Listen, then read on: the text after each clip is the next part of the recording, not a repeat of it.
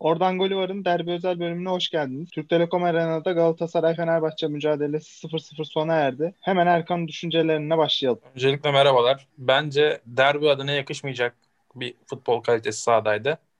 Ee, hem Fenerbahçe adına hem Galatasaray adına maçın üzücü olan kısmı bu taraf. İki takım da bence istediği oyunu, istediği futbolu sahaya yansıtamadı.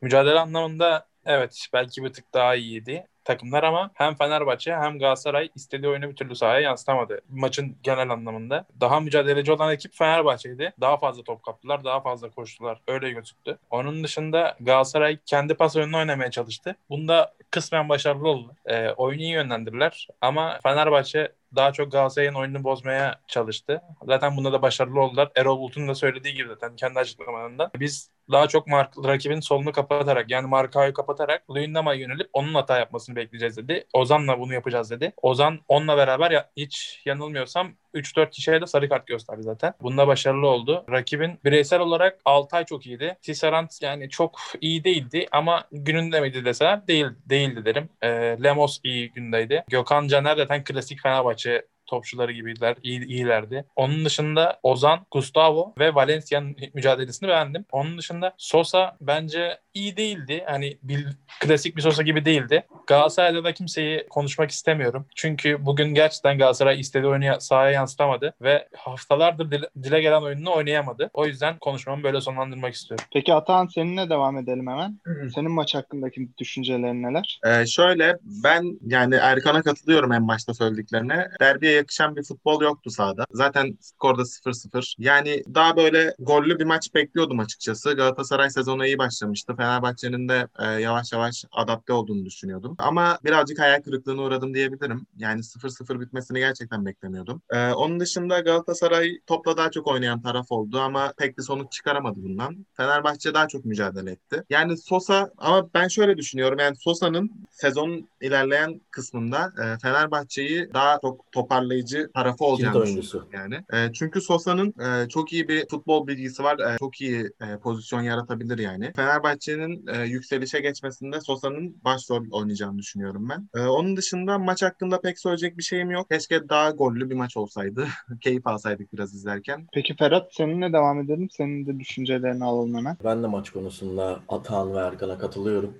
Yani beklenen bir maç değildi. Ee, bunun dışında ama mücadele iyiydi. Orta saha mücadelesi içine geçti maç. Ee, Erol Bulut'un toplama bir takımla bu kadar kısa sürede güzel bir savunma organizasyonu yapması cidden takdire şayan. Çünkü Fenerbahçe savunmada asla fire vermedi. Bunun dışında Fenerbahçe özellikle maçın ikinci yarısında maçı çok hakimdi. Ama üçüncü bölgede bir türlü o istediği üretkenliğe Fenerbahçe sahip olamadı. Çünkü e, Tiam aslı kanat değil zaten. Valencia'yı kanada atıp Tiam'ı forvette oynatabilirdi. Bence bu daha mantıklıydı. Ama yapmadı. Deniz Türüce nasıl bu kadar sabrediyor Fenerbahçe taraftarı ben bunu anlamış değilim. Fenerbahçe'nin net bir tane gol pozisyonunu Deniz Türüç kendi başına yedi. Yani Samat da önde koşarken Deniz Türüç gibi bir futbolcu. Fenerbahçe futbolcusu ise o topu oraya atmayı bilecek yani. Deniz Türüç bunu bilemedi, yapamadı. Beni de pek şaşırtmadı zaten. Ben Deniz Türüç'ten pek bir beklentim yok Fenerbahçe açısından. Fenerbahçe'nin stoper ikilisi yıllar sonra bana güven verdi. Senatta Lemos. Lemos özellikle yani bana bir Lugano esintileri verdi. Ben Lemos'u beğendim. Bunun dışında yani ben sene başından beri Galatasaray'a işte e, uçan kaçan çok iyiler Barcelona Atletico tarzı falan filan dediler. Ben burada kimseye katılmıyorum. Maç çok ortada geçti. Fenerbahçe evet Erkan'ın dediği gibi Galatasaray'ın oyunu çok iyi bozdu. Ama yani o uçan kaçan müthiş Omar 45 milyon euroluk marka yoktu Galatasaray'da. Yani şunu unutmayalım. Galatasaray ideal kadroyla oynadı. Fenerbahçe kadrosu önümüzdeki haftalar bence daha iyi olacak. İlk 11'inden Fenerbahçe'nin 7'si yeni oyuncuydu. Sonradan oyuna giren 3 oyuncudan ikisi yeniydi. Yani böyle diyebilirim ben size. Bunun dışında ortada geçen bir maçtı. Falcao çok bir etken etki gösteremedi maçta. Güzel bir markaj yaptılar Falcao'yu. Onun dışında Taylan çok iyiydi. Yani maçın dakika 90 Mert Hakan oyuna yeni girmiş olmasına rağmen Taylan gitti deparını attı ve o topu çaldı. Ben Taylan'ı haftalardır beğeniyorum. Oyuncu oyuncu bakarsak da ben özellikle Fenerbahçe'de Luis Gustavo ve Ozan Tufan'ı çok beğendim. Ozan Tufan tek başına Galatasaray'dan 5 önce sarı kart göstermiş zaten. Bu bence inanılmaz bir istatistik. Gustavo zaten yani kalitesi tartışılmaz bir futbolcu. Harikaydı. Tiam'la Deniz Türüç etkisizdi. Tiam kendi mevkinde oynamadı. Tiam Kasımpaşa'da geçen sene forvetti. Yani santrafor mevkisinde oynuyordu. Bu sene geldi sol kanatta başladı maça da. Yani Deniz Türüç, ben Deniz Türüç'e e, yani Asla Fenerbahçe futbolcusu değil Deniz Türüç. Yani o formayı ben hak ettiğini düşünmüyorum Deniz Türüç'ün. Ee, bunun dışında derbi ekleyecek fazla bir şeyim yok. Ben bir şey ekleyebilir miyim? Tabii. Geçen hafta çektiğimiz bölümde Erkan Markan'ın 45 milyon euro olduğunu savunmuştu. Bu maçtan sonra da 60-65 milyon euro civarı olacak demişti Fenerbahçe maçından sonra. Hala öyle düşünüyor mu? Evet hala düşünüyorum. Ee, bence Markao'nun ederi zaten forma numarasından belli. Hani forma numarası zaten Markao'nun en az limitle transfer olacağı rakamı rakamı gösteriyor. 45 milyon euro. Bu Rakam zaten değil forma sayın. numarasında yazıyor. Bunu siz kendiniz de göreceksiniz. Herkesle de iddiaya girebilirim bu konuda. Markao en az 35-40 milyon euro Türkiye'den gidecek ve rekor kıracak. Markan'ın forma numarası neydi? 45. Ben de bir şey söyleyeyim. Markan'ın 35-45 ettiği yerde Marusio Lemos 70 eder. Ben de bunu söyleyeyim. Yani ben hayır şimdi yanlış anlamayın. Objektif bakıyorum tabii ki de Lemos da Marcao da 15'in üstünde gidecek topçular değil yani. Kim ne derse desin abi. Nerede görülmüş Türkiye Ligi'ne 35 milyona 45 milyona topçu çıktığını ya gözünü seveyim. Şampiyonlar Ligi'nde şov yapan Cenk Tosun burada 23'e gitti. Golcü futbolcu yani Beşiktaş'ın. Beşiktaş zaman Şampiyonlar Ligi'nde şov yapmıştı. Cenk Tosun harika oynamıştı. Ama 23 milyon euroya gitti. Öyle Sen- bir şey var. Şöyle bir şey var. Cenk Tosun Türkiye pasaportu var. Ama Marcao'nun Brezilya pasaportu var. Biliyorsun ki ülkeler genellikle pasaporta biraz yatırım yapıyorlar. Hani bu konularda.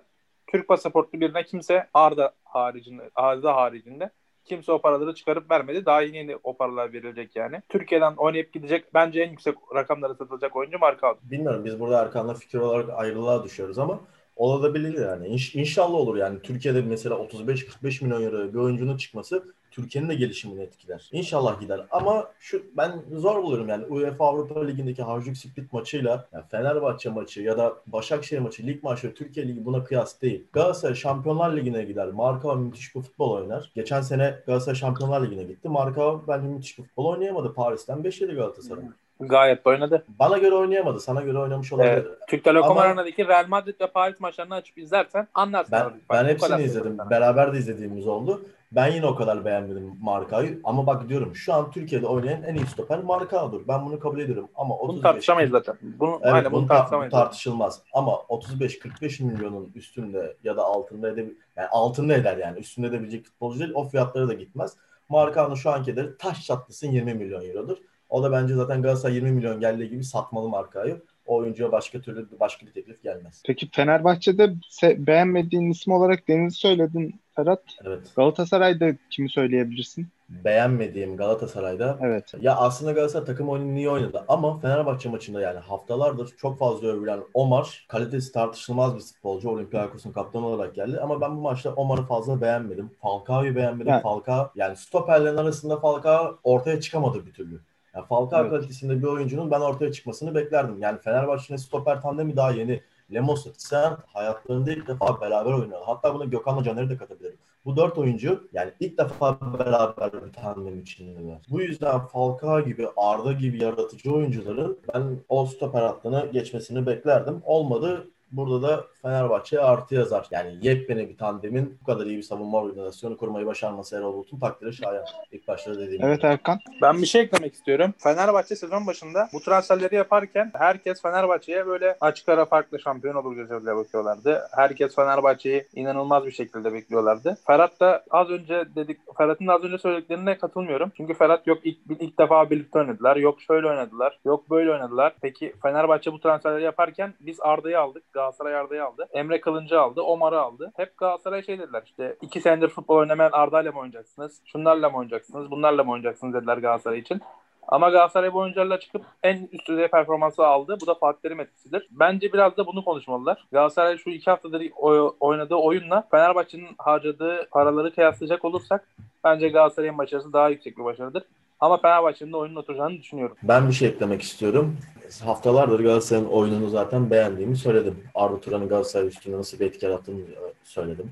Fatih Terim'in takımı iyi oynatmasını da söyledim. Ben hiçbir zaman Galatasaray'a karşı bir şey demedim. Ama Galatasaray bu maçta iyi değildi.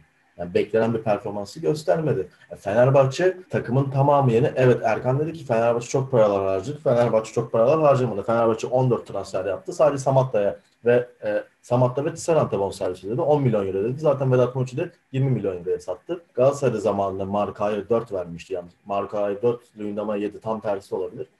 Galatasaray'da zamanında paralar harcadı ve müthiş bir tandem yarattı ortaya Marka Luyendama tandemi. Gördüğünüz gibi şimdi markayı 15'ler 20'ler konuşuluyor yani.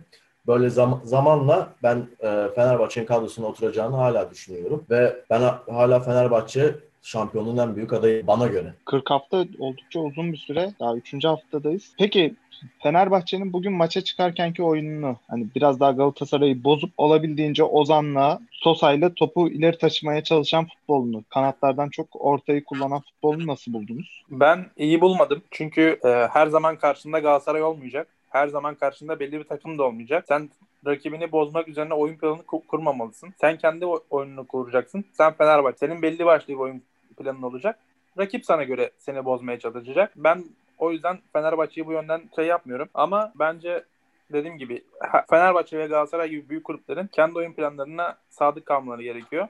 Hani rakibin oyun planını bozmak gibi bir e, düşünceleri olmaması gerekiyor. Çünkü Fenerbahçe ve Galatasaray bu ligin en iyi iki takımlarından biri, en iyileri hatta. Sezon başında Ee, daha yeni kurulmuş Fenerbahçe'nin hani 3. haftada oynanan bir derbiye bu şekilde çıkması bana çok da mantıksız gelmiyor. Yani Erol Hoca'nın tercihi çok akıl dışı, mantık dışı değil bence. Ferhat senin ekleyeceğin bir şey var mı bu konuya? Ya ben burada sana katılıyorum abi. Çünkü yani Fenerbahçe şimdi baktığımız zaman Erkan diyor ya her takımın bir oyun stili olmalı. Yani buna uymalı.